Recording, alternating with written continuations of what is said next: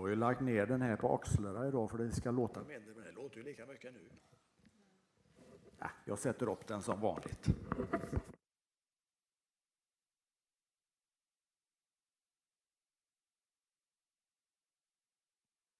Det är så när man har, när man har tomrum i huvudet så ekar det.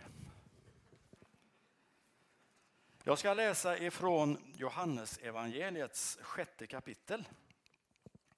Och det är ett, eh, ett av eh, de längre kapitlerna. Det har eh, 71 versar, men jag tänkte inte läsa allihop. Utan jag ska läsa ifrån vers 60 till 69. Och då står det så här. Då har ju Jesus, han har ju talat, han har gjort ett bröd under, han har predikat och så står det så här. Många av hans lärjungar som hörde honom tala sa, det är outhärdligt det han säger. Vem står ut med att höra på honom? Jesus som genast förstod att lärjungarna förargade sig över hans ord sa till dem, får det här er att vackla? Hur blir det då om ni får se Människosonen stiga upp dit där han var förut? Det är anden som ger liv. Köttet är till ingen hjälp. De ord jag har talat till er är ande och liv. Men det är några av er som inte tror. Jesus visste ju från början vilka som inte trodde av vem som skulle förråda honom. Och han fortsatte. Det var därför jag sa er att ingen kan komma till mig om han inte får det som gåva av Fadern. Då drog sig många av hans lärjungar tillbaka och ville inte längre följa med honom. Jesus sa till de tolv, inte vill väl ni också gå er väg? Simon Petrus svarade, Herre, till vem skulle vi gå? Du har det eviga livets ord och vi tror och vi förstår att du är Guds helige. Amen.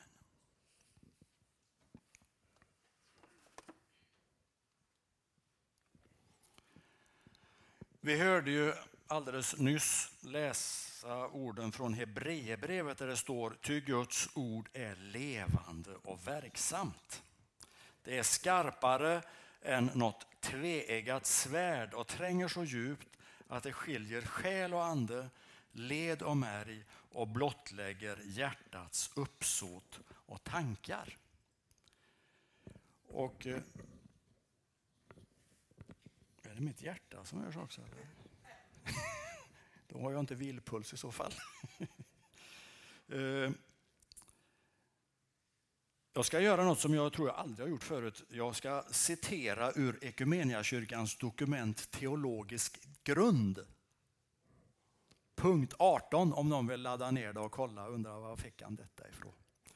Det står det så här om Guds ord är rubriken då. Guds ord är uppenbarat i Jesus Kristus ges i Bibeln, den heliga skrift, tolkas av kyrkan genom historien, förkunnas i församlingens predikan och det dagliga vittnesbördet i ord och handling. Bibeln, Guds ord, är nådemedel och rättesnöre för tron och dess tillämpning i livet. Bibeln tolkas och utläggs utifrån sitt centrum, Jesus Kristus och hans frälsningsverk. Anden gör Guds ord levande och verksamt idag. Ordet ger undervisning, vägledning, förmaning, tröst, hopp och glädje. Var och en som möter Guds ord har att tillsammans med andra i församlingen under Andens ledning tolka och låta sig vägledas av det. Slut citat. Och jag tänkte så här, det säger ju sig själv att talar vi om det levande ordet som vi gör idag och menar att det ges i Bibeln, den heliga skrift, då blir det ju jätteviktigt för alla som kallar sig Jesu efterföljare att läsa Bibeln och också att försöka följa det som står där. Vi har bönegrupper i församlingen, smågrupper som träffas regelbundet. Och jag tror att de träffarna kan nog se lite olika ut. Kanske ganska lika, men lite olika.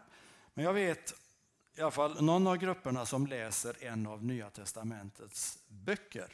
Så läser man ett stycke tillsammans och så funderar man tillsammans.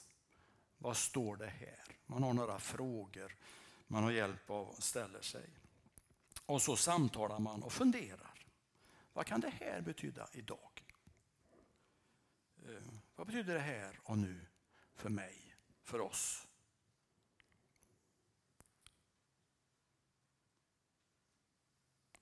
När vi läser om Jesus i Nya Testamentet så märker vi på många ställen att han verkar vara en väldigt populär person. Han drog mycket folk, stora skaror. Massorna drogs till honom. Inte minst de som ofta var lite utanför och marginaliserade på olika sätt. De som inte fullt ut accepterade eller blev accepterade i samhällsgemenskapen. De som inte ansågs hålla måttet enligt de normer man hade. Och Jesus så mötte de då en som såg på dem som jämlikar. Han tog emot dem, han välkomnade dem precis som de var. Och det var mycket glädje runt Jesus och en stor förväntan. Vad är på gång? Vad ska det här leda till? Men till skillnad från många av de här segerrapporterna så berättas det i vår text från Johannesevangeliet att då drog sig många av hans lärjungar tillbaka och ville inte längre följa honom. Det var inte motståndarna som skakade på huvudet och gick därifrån. Det var hans lärjungar. Och det var inte bara några. Det var många som lämnade honom den dagen. Varför lämnade de? Det är för att de tycker att det är outhärdligt. Det han säger. Vem står ut med att höra på honom? När han gav dem bröd att äta lite tidigare så jublade de. Jesu erbjudande hade de inga som helst problem med. Det var inte där skon klämde. Eller om man ska säga att där sandalen skavde. För det var ju en annan tid. Vad är det då som är så svårt att uthärda i det som Jesus säger? Det vet vi inte exakt. Vi kan ju läsa verserna innan och fundera. Eh, men jag tänker, ofta är det inte alls svårt att höra uttalanden som drabbar andra. Då kanske vi i värsta fall ja, kan finna oss själva att vi finns med och eldar på det där. Utan det är först när det drabbar mig själv, min situation eller mina val som det börjar kännas ansträngt. Det vill vi inte höra talas om. Men jag tänker att om Guds ord ska bli levande och verksamt för dig, då handlar det om ditt liv. Om du använder Guds ord för att peka på andras brister, döma ut deras val, deras sätt att leva, andra saker, då har du gått vilse. För då har du gett dig själv ett uppdrag du inte är ombedd att ha hand om. Du har inte fått uppgiften att rätta till andra. Enda förväntan på dig är att du ska formas utifrån Jesu kärlek och det liv han levde. Det är i hans anda, i hans sätt att möta och bemöta människor som vi ska läsa och förstå texterna. Och det är det som den här, det var därför jag läste från teologisk grund. Bibeln tolkas och utläggs utifrån sitt centrum, Jesus Kristus och hans frälsningsverk. Jag vet inte, men kanske är det sådana här saker som gör att många lämnar Jesus i någon sorts vredesmod. Detta att han påstår att han ska vara centrum i deras liv. Att han ska vara med och påverka. Att han ska influera deras livsval och de sätt de bemöter varandra. Kanske är det så att de vill inte ge Jesus makten i sina liv. De vill gärna vara med när de får äta. Det var spännande att stå där och se honom bota sjuka och höra liksom hur han kunde tala och hur han drog folk till sig. Men att han ska påverka mina livsval, det blir väl ändå för mycket. Den tanken blir helt enkelt outhärdlig. Kanske hade de tänkt sig lärjungaskapet som något mer av en light-variant som vi kan säga i vår tid ibland. Där man tar det göttaste ur kakan och låter det andra vara. Och när den här stora skaran har lämnat Jesus, och jag tänker mig att de är ganska högljudda när de går, Prata med varandra. När de har lämnat så vänder sig Jesus till de tolv och säger, inte vill väl ni också gå er väg? Och Simon Petrus svarade, Herre, till vem skulle vi gå? Du har det eviga livets ord och vi tror och vi förstår du är Guds helige. Och det Petrus egentligen säger här, tänker jag, det är ju vi har satsat allt på dig. Vi har inget annat alternativ. Vi har ingen plan B. Vi har gått all in. Och vi vill inget annat. Vi vill inget hellre än att följa dig. Här är vi. Använd oss.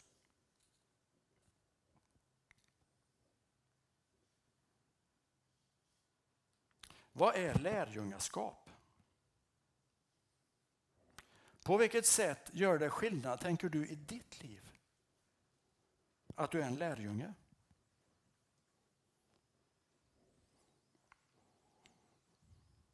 Om det är någon som ännu inte riktigt har tagit steget, kallar sig lärjunge, vad är det som håller dig tillbaka? Vad är det som gör att du tvekar?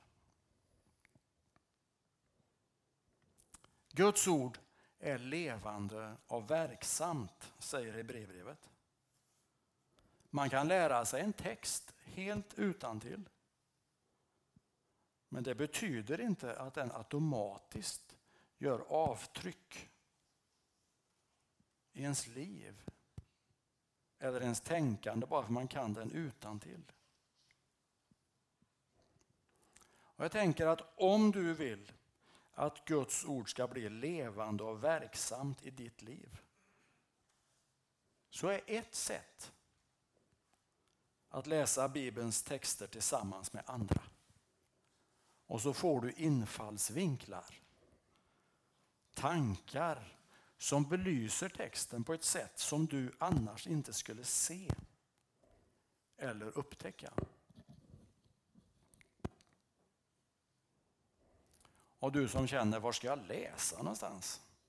Läs gärna en text om Jesus i något av evangelierna.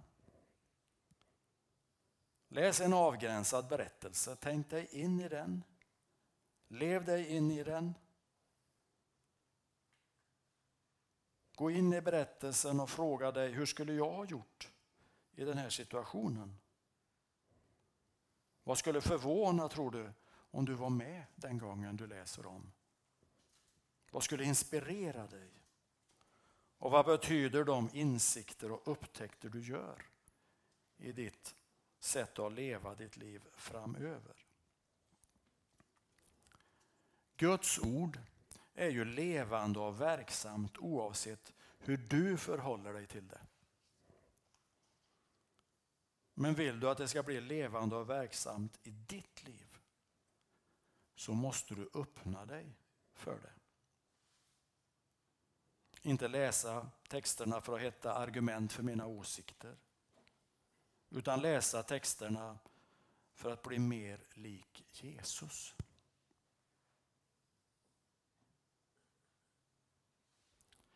I texten vi läste så är det ju många som lämnar Jesus. De som är kvar är de som accepterar honom som Guds helige. De la sina liv i Jesu händer.